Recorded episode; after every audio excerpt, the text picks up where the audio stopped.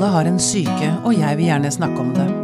Det gjør jeg her, sammen med huspsykolog Karianne og en gjest. Dette er Pia om syke. Redd og lei seg lå i boksen, men de krafset under senga mi. Senga ristet, taket dirret, og alt rundt meg skalv.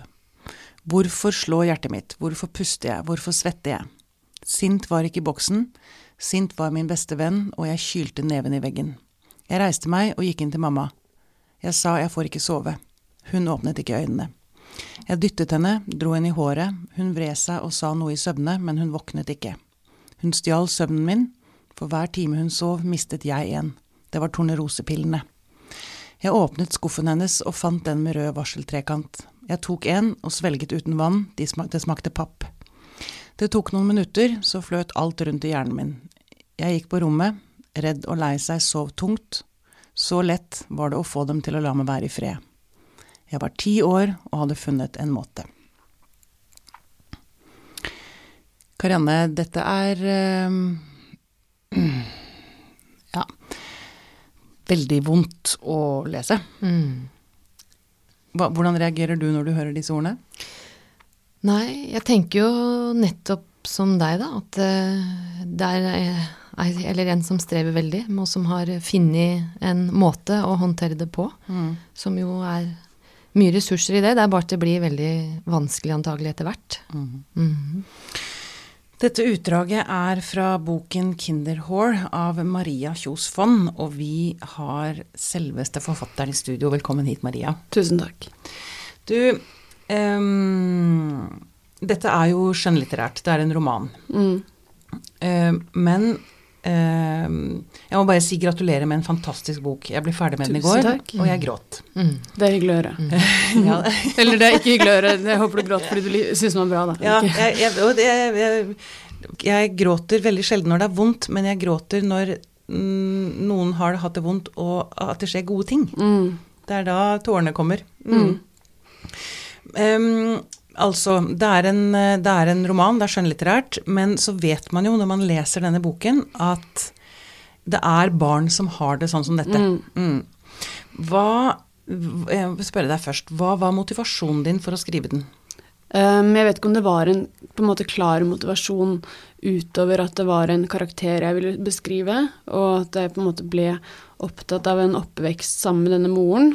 Um, og så vokste det fram sånn ganske organisk. Det er liksom i, Etter hvert så ble det jo sånn at jeg ville, ville sette, sette, fokus på ting som, som ungdomspsykiatri, barnevern, overgrep mot barn osv. Men, men da jeg begynte, så var det bare en fortellerstemme, på en måte, som, som snakket eh, Eller som jeg var interessert i, da. Eh, så hadde jeg møtt mange med, med mange forskjellige typer traumer og sett uh, hvordan det hvordan, hva det kan gjøre med et liv, og jeg har jo hatt mitt selv osv. og, så og sånn. Så det, det har jeg spilt inn selvfølgelig for at jeg valgte den tematikken. Ja. Men du, men jeg må bare spørre deg en, en sånn teknisk, du, du, hadde ikke helt historien da du begynte å skrive, den vokste frem underveis? Den vokste frem underveis. Ah. Det var en veldig sånn rotete prosess, egentlig. Ok, mm. ja. Men av kaos oppstår klarhet, har jeg hørt en gang. ja, ikke sant. du, um, um, Charlotte, hovedpersonen i boken, mm. hun har ingen mor. Eh, eller moren er blitt borte i en tåke av eh, piller og selvmedlidenhet. Mm. Det er den ene sterke karakteren som er med på å forme Charlotte. Mm. Så er det en stefar, mm. en slags stefar, han er vel ikke, mm. ja, de gifter seg vel ikke, men som forgriper seg på henne, og veldig grovt. Mm. Det er den andre store karakteren her. Um, og så sier hun selv at hun lurer på om hun burde legges frem som bevismateriale fordi hun er lurer på om hun er resultat av en voldtekt. Mm. Ja. Det er noen ekstremt sterke bilder du maler. Mm. Um, um, klarer et lite vesen, en liten jente, å overleve? Altså, det gjør jo din karakter, men jeg er nesten sånn Jeg vet ikke om jeg hadde Jeg tror jeg hadde gått under, liksom. Mm, og det er veldig mye hun gjør for å overleve, som kan virke som hun gjør det for å ødelegge for seg selv, men som på en måte blir helt nødvendig, da. Og det er jo mm. det å koble seg fra i veldig høy grad, altså sånn, eh, ikke være til stede i situasjoner, få et veldig sånn mekanisk forhold til kroppen sin og seksualiteten sin, ruse seg veldig mye. Og det er mange som, som blir altså, enda tyngre rusavhengige enn enn henne nå pga. barndomstraumer, som kanskje hadde ikke klart seg uten den rusen. Da. Uansett hvor ødeleggende den har vært, så hadde det ikke vært til å holde ut uten, uten å bli rusavhengig. Så, så hun, hun har vanvittig mange overlevelsesstrategier, og det går jo på å være veldig fremmed fra sine egne følelser, som, vi leser, som, som fra det utdraget du leste, og fra sin egen kropp, og fra andre. Mm. Men du skriver at eh, eh, brent barn skyr ikke ilden, brent barn blir pyroman. Ja. Um, Det, det syns jeg var veldig interessant. Det er en eh, Ja. Kan, du, kan vi ikke snakke litt om det? ja, jeg var fornøyd med den, vet du. Mm, ja, mange oppsøker jo det de er vant med, og det, det som er det hjemlige og dermed føles, om ikke trygt, så i hvert fall som noe man, man vet hvordan man skal håndtere. Så, så hun, hun legger opp til avvisning, og um, hun legger opp til overgrep. I den grad man kan gjøre det. Altså det er jo en problematisk ting å si, men hun, i den settingen hvor dette skjer, så ser hun at en fyr putter en pille i drinken hennes som hun vet hva er, og, og så, blir, så blir hun med han hjem. Hun drikker den og blir med han hjem. Så, så da, da er det på en måte da er det så internalisert i henne. Altså, det har hun lært som liten. altså Disse overgrepene skjer bare, og det er ikke noe jeg kan gjøre. Og hvis jeg tar den pillen, så, så vil jeg jo sovne, så da, da slipper jeg å være til stede, så det er jo bra. Um, så så på en måte fraskåret sine egne, egne behov uh, er hun, da. Ja.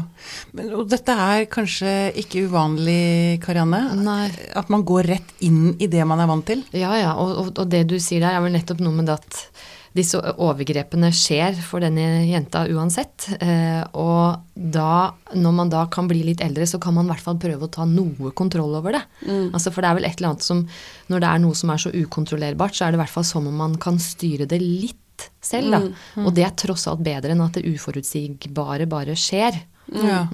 Så derfor oppsøker man det man er vant til, eller det man kan, eller det Ja. Ja, og det kan også være sånn at man, eh, man kan nærmest som en sånn, sånn kroppslig sensasjon ha en sånn spenningstilstand hvor man tenker at det, som man kan kjenne fra man er liten, altså nå skjer det snart, nå skjer det snart, nå skjer det snart. Eh, og ved å ta litt kontroll over det selv, så er det som om man da tenker at ok, nå har det skjedd, nå kan jeg liksom hvile eller være i fred litt. At det kan også være en helt sånn naturlig reaksjon, da. Ja, for det kan kanskje også bli sånn, jeg vil tenke på meg selv, at man, at man nesten finner en trygghet i sine egne vonde følelser. Mm. Ja, ja, det er jo Hun snakker om at hun er redd for øh, øh, følelser som redd og lei seg, men glede er jo den følelsen som skal vise seg aller mest farlig for henne. Mm. så når hun forelsker seg som, som voksen da, i en annen jente, så, så rakner hun jo helt. Det er jo veien til at hun også etter hvert blir bedre, men, men, eh, men da må jeg veldig mye forsvarsverket på en måte bryte litt sammen. Og da skjønner hun eh, alt som hun har gått gjennom. Eh, og da, i den grad lesere gråter, så er det i den delen av romanen. da. Um, Og der hvor hun møtte hesten, Lykke. ja. Da gråt jeg også. det, Når det kommer små glimt av glede. Ja. Mm. Ja, det er, det er vanlig det kanskje, at, at man, ikke, man gråter ikke av smerten, men man gråter av Forløsning. Forløsning, forløsningen, ja. Nettopp. Du eh, skriver også at hun legger følelsene sine i en boks og tårene på et syltetøyglass. Mm. Det er vel også ganske vanlig. Og kanskje et av de aller, en av de aller vanskeligste tingene når man har opplevd mye vondt, at man det det er så fryktelig vanskelig å stole på noen andre og slippe noen inn og slippe det vonde ut. Mm. Eh, igjen, jeg, har, jeg må bare si at jeg har ikke så mange spørsmål. Jeg har bare en del ting jeg har lyst til å løfte frem Ja. som jeg har lyst til at vi skal snakke om. Em, eh, ja. Er det mot man må ha da for å våge å slippe noen inn når man har blitt så skadet, så såret? Hvordan, eh, hvordan kan man liksom For jeg, jeg tenker at det er jo veien til frelse. Det må jo være det. Du trenger jo mot, men så vil du Det er jo en grunn til at du har de forsvarsverkene du har, ikke sant? Og det kan jo være ganske farlig for en person som har blitt så sviktet i oppveksten av moren sin, å forelske seg og, og slippe en annen person inn på seg. Hva, hva gjør hvis hun blir såra igjen, da? Hva da? Ikke sant? Så, ja, eller en hjelpearbeider, holdt jeg på å si. altså eller en en hjelpearbeider, ja. At, eh, at det, er, det er ganske skummelt, og kanskje til og med også med en person som har den type måte å agere på, at den ofte agerer på sterke følelser med, med å gjøre ting som er skadelig for seg selv, så er det jo eh, så farlig eh, å slippe folk for tett innpå. Så det må jo Det handler om mot, men det handler også om modning. At det må være på et tidspunkt hvor hun faktisk kan ta det inn, da, og kan ta sjansen på en avvisning. Ja, man må bygge opp såpass mye styrke før man kan eventuelt liksom være klar til å ta en ny avvisning. I hvert fall i kjærlighetslivet, tror jeg. Ja. Jeg håper jo ikke hjelpearbeidere skal drive og avvise pasienten så mye, men det kan jo oppleves sånn, selv om de ikke ja, gjør det. Ikke ja, men det er, det, er, det er dette med det, det, er så farlig å vise frem det såreste, mest skamfulle man har. Og derfor pakker man det heller ned i Det er tryggest å ha det i en boks. Og i et syltetøyglass, liksom. Men, og jeg tror jeg også da, i forhold til øh, Og det som ligger i modning, tror jeg også dreier seg om en form for bevisstgjøring, da. En forståelse av seg selv, og, og hvorfor det har blitt som det har blitt. Og hvorfor disse følelsene har blitt nødt til å blitt kapslet vekk på denne måten. For det er klart, når man det, Der og da så, så har det en veldig naturlig funksjon. Det gjør at man overlever og faktisk holder ut det som er så smertefullt. Eh, men bivirkningen på sikt er jo nettopp det at man slutter å, å vite kanskje hvem man er, fordi følelsen er jo med på å identifisere hvem er jeg, hva, hva kjenner jeg, hva føler jeg til enhver tid. Så man på en måte blir liksom fremmed for seg selv. Da. Så det er kanskje noe med også å bli kjent med seg selv gjennom å liksom forsiktig begynne å ta fram disse følelsene, da. Eh, at det er en måte å håndtere det på da, over tid. Jeg opplever eh, forholdet til moren som det aller vanskeligste her. Altså, det, er- det er altså, Stev, denne Jonas, var det han het, ikke sant? Plus- ja, mm. Eh, som forgrep seg på henne. Det, det er på en eller annen måte så enkelt Han er så enkel å hate. Han er så enkel å, å fordømme. Mens moren er det mye Det er veldig mye verre å forholde seg til en mor som svikter. For jeg tenker jo også Hva skjedde med henne? Ikke sant? Hva, og, og, det, og ja, jeg har også lyst til å snakke litt med dere om dette utrolig kompliserte forholdet til eh, mødre, som jo skal være den som eier omsorgen, ikke sant. Når hun svikter, da er man ganske hjelpeløs som barn, altså. Men hvordan, hvordan møter man en mor eh, Hvordan forholder man seg til en mor som har sviktet så totalt som moren i denne boken gjør? Hvordan datteren forholder seg til det. Ja, hvordan bør man som datter til, som har en sånn mor, eller en mor som ligner hva, Hvordan takler man det, liksom? Altså, det, det, det, går så, det er så grunnleggende på en eller annen måte. Altså, jeg, kan tenke meg at eh, eh, hvis man har en sånn mor, så vokser man opp med opplevelsen av at man er totalt verdiløs. Hvis moren ikke liker deg, eller ikke bryr seg om deg, så må jo jeg være verdiløs. Og det er en, et, en veldig vond start på et liv. Det er det. Hvordan, som menneske igjen, hvordan Eller du kan jo først beskrive litt mer, kanskje, Maria, eh, hvordan Charlotte takler dette. Ja, altså hun, hun eh, takler det jo med å være På en måte prøve å nærme seg moren sin på litt sånn um, eksentriske måter. Altså sånn eksempel eh, gå tur med hansken hennes til butikken, for da holder hun henne i hånda, eller ta etter klesstilen hennes til en viss grad.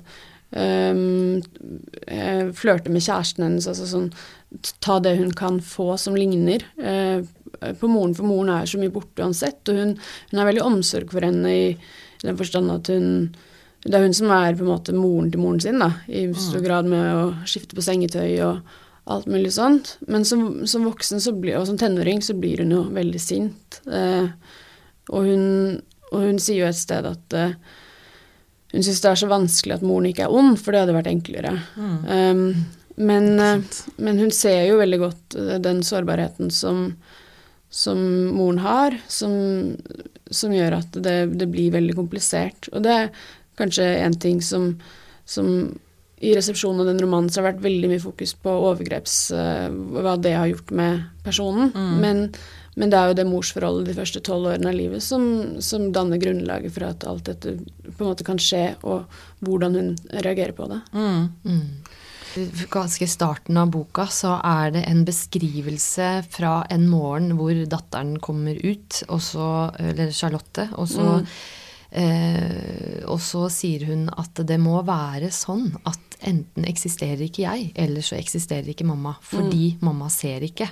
Charlotte, altså Hun prøver til og med å gå ett stelle seg foran henne for å bli sett. Eh, men mammaen klarer ikke det, og, jeg, og det syns jeg er en eh, veldig sånn god beskrivelse av hvor ødeleggende det også er ikke bare det nærværet av det som er eh, krenkende, krenkende opplevelser, eh, eh, eh, forferdelige handlinger som blir utført mot en, men det, er, det, det, kan være like skadelig det fraværet. Fraværet av en person, av, av mor, som skal være en trygghet, eller som skal speile, eller som skal anerkjenne. Og det man jo prøver og strever så godt man bare kan med som foreldre, er jo å prøve å anerkjenne følelsene som er til enhver tid. For gjennom det så skaper vi en form for identitet, da. Og så blir man identitetsløs eh, når en mor står der og ikke er i stand til å møte i det hele tatt. Og da begynner man faktisk helt konkret å lure på om man eksisterer. Mm. Ja, dette kan legge grunnlaget for eh, så, psykose eller schizofreni. Altså dette med at man ikke Man vet ikke om man er i verden, liksom. Ja, og, og, og en, en opplevelse av en tomhet. At det, det, trenger, trenger ikke, eller det kan gjøre det, men det kan også bare være sånn, sånn eksistensiell tomhet. Ja. Meningsløshet. Mm. Eh, som jo, så, så, så du spør Pia, hva, hva skal man gjøre som datter eller barn av en mor som er på den måten? Det er jo ikke noe for vi blir vel like undrende begge to, kanskje du og jeg, Maria. For vi er sånn, Oi, hva skal vi svare til det? For det er liksom, det er sånn helt sånn eksistensielt stort spørsmål. Ja, ja, ja, Men det er jo i hvert fall det å og, som vi snakka litt om i sted, da, begynne å bli litt kjent med seg sjøl og sine egne følelser, så man er i stand til å faktisk skille seg selv fra Skape en identitet og skille seg selv fra mor. Sånn at man kan våge å bli sint, for det vil jeg jo tro at Ja. man blir. Eh, Ja. Når det kreves. Ja. Eie en følelse av glede når, uten at noen skal ødelegge det, når det er til stede. Mm. ja, raseri tenker jeg må være en veldig, Ja. veldig, veldig sunn og viktig følelse i Det et sånt tror jeg er eh, helende. Ikke sant? Mm. Ja. Jeg tenker også på Jeg husker Jeg leste for mange år siden at i eventyr så er alltid en eh, Det er alltid stemoren som er ond. Det ble for sterkt å ha en mor som var ond. Derfor måtte man lage en stemor. For da det, Verden tålte ikke onde mødre. Men jeg sier ikke at moren her er det, men det finnes jo onde mødre også. Ja, men jeg tror hvis jeg hadde skrevet en bok hvor det var moren som forgrep seg seksuelt på datteren, f.eks., eksempel, så ville det blitt veldig sterke reaksjoner. Ja. ehm, På en annen måte enn om det var stefar, og enn om det var far. Så det har med, med syn på mødre, kanskje. Som, Ikke sant? Som, mødre skal jo elske barnet sitt mer enn noe annet, ikke sant. Det er jo det vi biologisk og kulturelt skal. Men så er det jo noen som ikke gjør det, da. Ja, Eller på feil, helt feil måte. Eller på helt feil måte. Og det, jeg tenker at det er viktig at vi også snakker om, liksom. At det må også være en del av bildet her. At det, det skjer jo, faktisk. Mm. Em, en annen ting em, du skriver som går inn litt inn i dette på et eller annet tidspunkt, nå husker jeg ikke helt hvor, men det er en som spør om hun kan gi henne en klem. Og så sier hun 'klem i vei'. Men så tar hun seg i det og tenker at nei, og hun orker ikke. Eh, selvfølgelig vil jeg ikke ha en klem. Og det er også en sånn Jeg lurer litt på dette med altså Det er så utrolig vanskelig å gi seg selv egenomsorg når man har vært utsatt for omsorgssvikt. Hva er det som skjer der? Karianne ser jeg på nå. Ja, ehm, det er jo fordi at eh, Hvis vi skal liksom f.eks. bruke Charlotte som et eksempel, da, altså, ikke sant? Hun, hun har jo eh, i denne boka hun har jo både en, en, eh, et, et fravær av noen som har anerkjent hennes eksistens eh, og, og som verdifull. Eh, og hun har et nærvær av krenkelser. Og det er klart det eh, påvirker eh, Charlottes opplevelse av seg selv som person. Eh, man kan få tanker som at man er det må, være noe, det må være noe grunnleggende galt med meg, det må være noe feil med meg. Eh, andre forakter meg. Jeg er ekkel. Jeg er ikke verdt noen ting. Blir man blir ekkel hvis man ikke blir eh, for Ja, det kan være veldig naturlig. Altså, det rett og slett en sånn kroppslig Særlig hvis man har blitt krenka seksuelt, da, så kan man få en sånn kroppslig forakt eller avsky eh, overfor seg selv. Uh, og, og hvis man da ber den personen om å være god med seg selv, om å kanskje elske seg selv, ta vare på seg selv, så er det jo som om du og jeg skulle tenke at vi skulle gjøre det mot Hitler. Eller Mao, eller en despot, Ah, ikke sant? akkurat. Fordi det er ingenting der å elske. Mm. Det er nok dynamikken, tror jeg, som gjør det så vanskelig. Igjen Vi skal ikke være eplekjekke mot de som har opplevd sånne ting, og be de være glad i seg selv. Det er så krevende. Vi ber dem om det vanskeligste som finnes. Ja. Og det er, eh, som vi har snakket om i andre episoder, det, er det som er så utrolig urettferdig, er at det er den som har blitt utsatt for dette, som bærer på skammen. Ja. Det som er eh, med denne boka her, er jo at hun også utsetter andre for ting. Ja, Eh, Det er veldig sterkt Mm. at hun faktisk viderefører det og gjør det mot en annen liten jente, eller utsetter en annen liten jente for fare. For fare, ja, og hun mobber også, som også er skadelig. Så, så jeg tenker, og det er jo heller ikke uvanlig, at man er både offer og overgriper. Um, og for henne så blir jo det en måte å, å, å gi smerten over til noen andre, da. Altså sånn skyve det videre. Det, boka starter med et Courtney Love-sitat 'Someday you will ache like I ache'. Ja. Og det er på en måte hennes strategi. Og det med å legge tårene sine i et syltetøysglass, den lille leken hun har som barn, handler også om at hun gir tårene til de som trenger dem, da. De andre barna i klassen, ved å mobbe dem. For meg selv så er hun så tøff, hun trenger ikke å gråte. Hun, hun takler alt, liksom. Men, mm. men, eh, men det som kanskje er litt sånn sykt, er at eh, i den mobbinga, og i det at hun hun bevitner at en fostersøster som er to år yngre, 13 år, blir utsatt for et overgrep av en felles kamerat. Eh, det er at hun har en slags omsorg i å gjøre det, fordi hun vil vise, vise disse um, andre unge jentene hvor farlig verden er, fortest mulig, før de, før de er så ubeskytta og naive. For det, det går ikke, de må herdes, og det føler hun at hun hjelper dem ved å, ved å utsette dem for ting. da. Ja, Mm. nettopp. Mm. Og det er jo noen foreldre da også da, som tenker sånn, at jeg må slå barna mine. Så, Sånn så blir de herda, liksom. Ja, ja. Mm. Og det er, jo sånn, det er jo sånn vi viderefører traumer. Ja. En del av det, Ja. ikke sant? Mm. Mm. Eh, Ja. Ja, hun sier jo også i stedet at hvis hun fikk barn, så skulle hun jo brennmerka dem med krølltang og alt mulig med en gang, så de var forberedt på livet, liksom. Så vi får håpe hun venter litt med å få barn, da. Ja. ja, det er jeg enig med deg. Men hun det, må- Jeg må jo bare si det, jeg jeg er veldig glad for at den, den beveg, boken beveget seg jo veldig i riktig retning. Ikke sant? Dette er ikke noen undergangsroman. Nei, det er det ikke. Ikke sant? Det, det er bare viktig. Jeg skal ikke, jeg skal ikke være noe spoiler, eh, men det er Man sitter igjen med en veldig god følelse Mm. Av den, selv om det er veldig mye jævelskap her. Mm. Ja. ja. Um, du, jeg vet at du også eh, altså, Det er noe politisk i dette her også. Mm. Jeg- En ting som jeg husker eh, du skriver et eller annet sted, at eh, mamma hadde en veldig flink lege som sørget for sovetabletter til oss begge. Mm. Det er jo også en eh, ja, Inn i debatten om leger som ikke tar seg nok tid, og som eh, ja, ikke sant? Barnet sluker da masse sove... Altså blir pilleavhengig, hun også, i en ung alder. Mm. Og det må vel være legens ansvar? Ja, men jeg har ikke på en måte eh, lagt noe sånn stort kritikk mot fastleger og utskriving av B-preparater i den boka her. Nei. Men det som er, er at jeg kjenner jo en del rusavhengige, og mange begynner jo med å stjele fra foreldrene sine, så det er en vanlig vei inn. Eller at man får eh, benzo, eller benzodiazepiner, da, som er beroligende medisiner, eh, tidlig, eh, og så så er ikke det nok, liksom, etter hvert som man prøver andre ting. Så det er, det er ikke en uvanlig vei inn i, i um, rusavhengighet hvis man allerede har traumer eller er disponert, da. Um, men så kan det også selvfølgelig være til hjelp for folk eh, som i kontrollerte doser osv., ikke sant. Så det, det, er, det, må, det må være vanskelig for leger å ta den avgjørelsen. Det skal ikke jeg sitte og gjøre for dem. Nei, nei, nei. Men det er noe politisk her også. Altså dette med um, det, Hun blir jo sviktet av flere her, tenker jeg. Altså lærere, altså skolesystemet.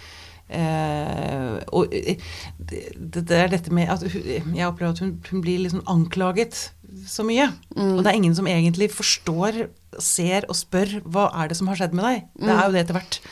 Men det er jo noe politisk her. Ja, det er det. Det er en eh, politisk roman, ikke først og fremst, men det er også det. Eh, og det er jo på en måte sånn at den type pasient som hun er, eller den type menneske som hun er, som kanskje, kanskje kan på en måte karakteriseres som, som liksom personlighetsproblematikk, da. Mm. det, det gjør at hun, hun blir veldig dårlig behandla. Folk forstår ikke atferden hennes og hva den er uttrykk for, liksom. Eh, sånn at eh, eh, når hun, eh, når hun eh, slår seg vrang hele tida og er hard og kald og, og kjip, så er det mange som, som da hjelpeapparatet som, som ikke vet hva de skal gjøre, og som kanskje ikke prøver hardt nok heller.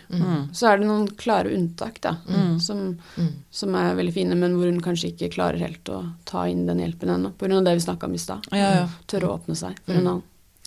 Og det, og det du snakker om der, er jo, det er jo så utrolig viktig. Eh, fordi det er jo Altså, eh, tidligere barneombud Reidar Gjerman hadde jo for mange år siden en sånn utredning hvor han intervjuet flere overlevere etter incest.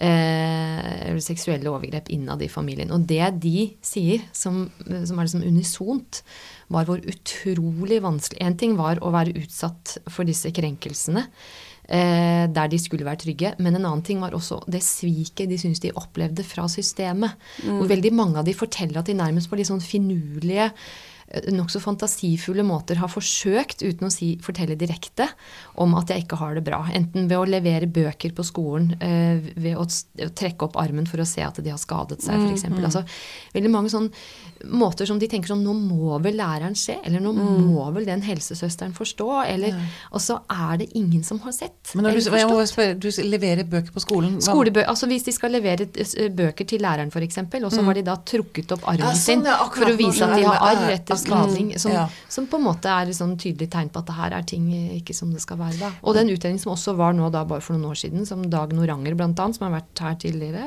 var med på, som, som har gått gjennom disse alvorlige sakene, hvor de ser at noe av det som er gjennomgående, er sviket fra systemet. Ikke bare svikt, men rett og slett et svik. Et svik. Mm. Og det er Hvor alvorlig det er å oppleves for den som står oppi det. Ja. Jeg tenker på en lærer eh, Altså det, det Jeg prøver ikke å unnskylde lærerne, men det er jo ikke bare altså Det kan jo hende at en lærer da ser de arrene, men ikke vet Er redd for sin egen kompetanse, da. Eh, til til å gå inn i det. Hvis du er utdanna sånn som deg, Mm, ja, ja. Eh, så det er, det er jo ikke bare bare å begynne å, å spørre et barn på ti år eller tolv år Skader du deg selv? Eller hva, hva eller, ja. Hva- Har dere noen råd til lærere eller andre som liksom skal Som ser, som, som kanskje i dag opplever et barn som tenker åh, han eller hun har det veldig, virkelig ikke bra. Det jeg tenker på, og som var litt sånn motivasjon for å skrive boka etter hvert, eller som jeg har vært opptatt av både i denne boka og i den forrige novellesamlingen, er å vise fram at ofre gjerne kan bli veldig usympatiske. Og, Ja. eh, og dermed så vil den type, det type svik og den type krenkelser de har opplevd tidligere, kanskje bare gjenta seg, fordi de får personligheter det er vanskelig å håndtere. Og da kan lege, nei, lærere eh, på en måte kategorisere folk som problembarn og ADHD og, og skulking og dop og liksom alt mulig sånt, og så er det symptomer på noe helt annet. da. Sånn at um, i, I hvert fall i, i tilfellet romankarakteren min, så er det jo å se forbi eh, på en måte en, en del atferdsproblemer og liksom Hvorfor gjør hun dette? Det må jo være en grunn. Mm. Ja. Ja. Jeg er helt enig. Jeg tror, for jeg tror eh, hvis man, hvis man begynner å ane uro, at det er noe her som ikke er helt som det skal være, og man blir bekymret, så tror jeg det første man skal tenke, er at den bekymringen skal jeg ta på alvor. Den skal, jeg skal ta det opp. Jeg skal, kan spørre direkte. Men bare vær forberedt på å bli avvist. Og det er Ja. ikke fordi de ønsker å sabotere eller være vanskelig mot deg, men det er så vanskelig. Ja. Det er vanskelig når du ikke er vant til å møte godhet eller omsorg eller bekymring fra andre og ta det imot. Mm. Så du, de vil bli avvist, men da bare tenk at det ikke nødvendigvis handler om deg eller spørsmålet, men at det er noe for den personen her som er vanskelig. Ja. Så kan man heller si at eh, ok, nå, men jeg, jeg skal la det ligge nå, men jeg kommer til å ta det opp igjen Ja. om en uke eller to. Bare Ja. sånn for å vise at dette slipper jeg ikke helt, da. Mm. Og da er det kanskje bare nok det, Ja. bare det at man sier at 'jeg ser deg', Ja. kan starte en prosess Ja. som kanskje ikke akkurat der og da synes, men det er satt i gang noe. Og så er det jo veldig vanlig, tenker jeg, for, for å på en måte overleve at man vil eh, bagatellisere det som skjer så mye som mulig. Eh, når man, hvis man forteller noe i det hele tatt, så, så vil man virkelig prøve å tone det ned og man, for seg selv og for andre. fordi at hvis du skal ta inn over deg hvor rett og slett jævlig det egentlig er, så det er du kanskje ikke klar for. ikke sant? Så man må også være litt sånn våken for det. da, At eh, mange vil bagatellisere og underdrive og liksom, ja. Du Maria, du skriver jo eh, veldig, veldig innsiktsfullt og nennsomt om dette. Og jeg må jo spørre, hvor, hvor mye av deg er i denne boka? Um, det er på en måte så, det er et veldig todelt spørsmål, fordi at det, sånn, hvis du ser på biografien min, så er det veldig forskjellig. Men det er skrevet virkelig fra, fra dypet av meg og mine følelser. Altså sånn, det var derfor det var en bok som det var veldig vanskelig å skrive. Eh, jeg har selv traumer på en litt annen måte, og som ikke kan tilskrives eh, familien. Da. Så det, men, eh, men å ha vært eh, slitt med rus eh, mye, mye er eh, ting man kan kjenne igjen fra hva jeg har følt. Så det er liksom det, det er lite av det jeg skriver om som har skjedd, men mye, mye av følelsene hun har følt, har jeg også følt på. Det er derfor du klarer å beskrive dem, fordi du, du gjenkjenner følelsene, liksom. Ja, ikke sant. Mm. Ehm, hva Eller jeg har bare lyst til å si én ting som jeg bare også bet meg, som jeg lo veldig av. Uh, det er latter i denne boken òg.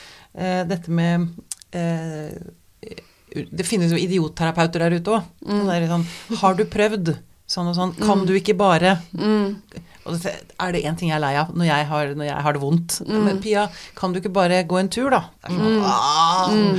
Da har hun så bra kommentar, nå husker jeg ikke ordrett, men jeg kan, eh, når noe med øksemord hvordan, ja. ja. Jeg husker ikke helt ordrett, men det var noe sånn som Har du prøvd å øksemyrde den neste som sier 'har du prøvd'? Har du prøvd? Ja, ikke sant?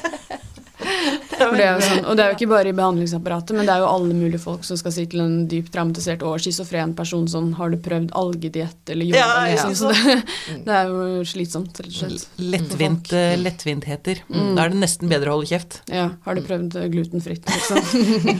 Og, det, og, det, og det, de som sier det, eller vi eller jeg, jeg må kanskje tre, altså, det, det, er- det representerer jo standen her. Jeg tror, jeg, tror, jeg tror det vi snakker om da, er vår egen hjelpeløshet.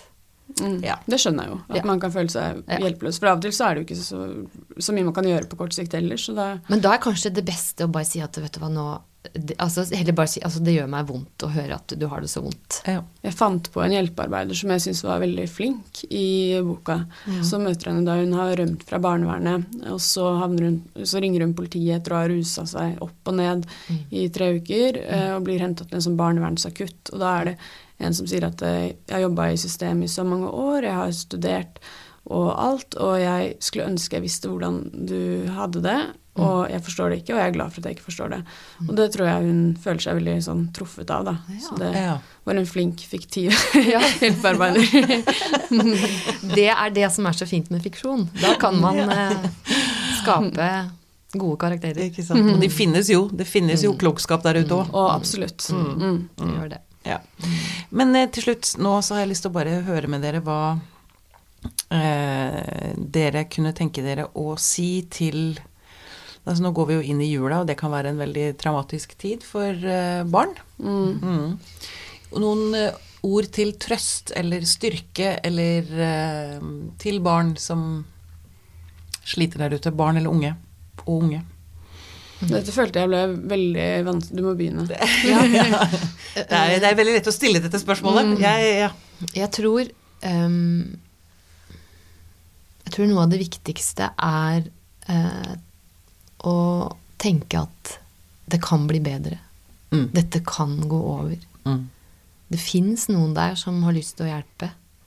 Uh, man skal ikke ha det sånn for alltid. Mm. Jeg tror det som er så vondt, er når det står på som verst, og når det, og forskjellen blir så stor mellom eh, hvor lykkelig denne jula tilsynelatende er, og hvor vondt man kan ha det inni seg, så blir liksom avstanden så stor. Og da tror jeg det er noe med å Og så tenker man at sånn kommer jeg alltid til å ha det. Men det er ikke noe mening i det, at du alltid skal ha det sånn. Nei. Fortsett å lete etter gode folk. Ja, Mm, absolutt. Og det er jo moralen i boka mi òg. Det kan bli bedre. det kan bli bedre. Ikke sant? Det er veldig, veldig bra. Som sagt, det er eh, Den slutter på en lys tone. Det er bra. Happy ending. Ikke Happy helt. Ikke helt. Ikke helt, nei, det, men, eh, men Nyansert, absolutt. da. Nyansert, ja. Mm. Veldig bra. Og som en eller annen sa en eller annen gang eh, eh, Alt ender godt. Hvis ikke det er godt, så er det ikke slutten. Eller Den har jeg aldri skjønt. Eh, Betyr det at du dør når det går bra? Jeg vet ikke. Si det en gang til, Pia. Nei, det er noe med Jeg, jeg, husker, jeg hørte den på engelsk. Eh, it all ends well. If it's not well, it's not the end. Eller noe sånt. Det er en god ja. Nei, Det er jeg, jeg er kanskje litt jeg- vel naivt, eller eh. Jeg har jo slitt litt med å skjønne det, men det, det må jo Det er mange som liker den, så jeg tror mange skjønner den. Men jeg, Men jeg, jeg tror det dreier seg nettopp om det at eh, man må ikke slutte å leite etter det som er bra, da. At det kan bli bedre. Altså det er noe, et eller annet med at det ligger noe håp inni der, kanskje. ja. Ikke gi opp håpet. Ikke gi opp. Maria Kjos Fonn, tusen takk for at du kom til oss. tusen takk for at jeg fikk være her.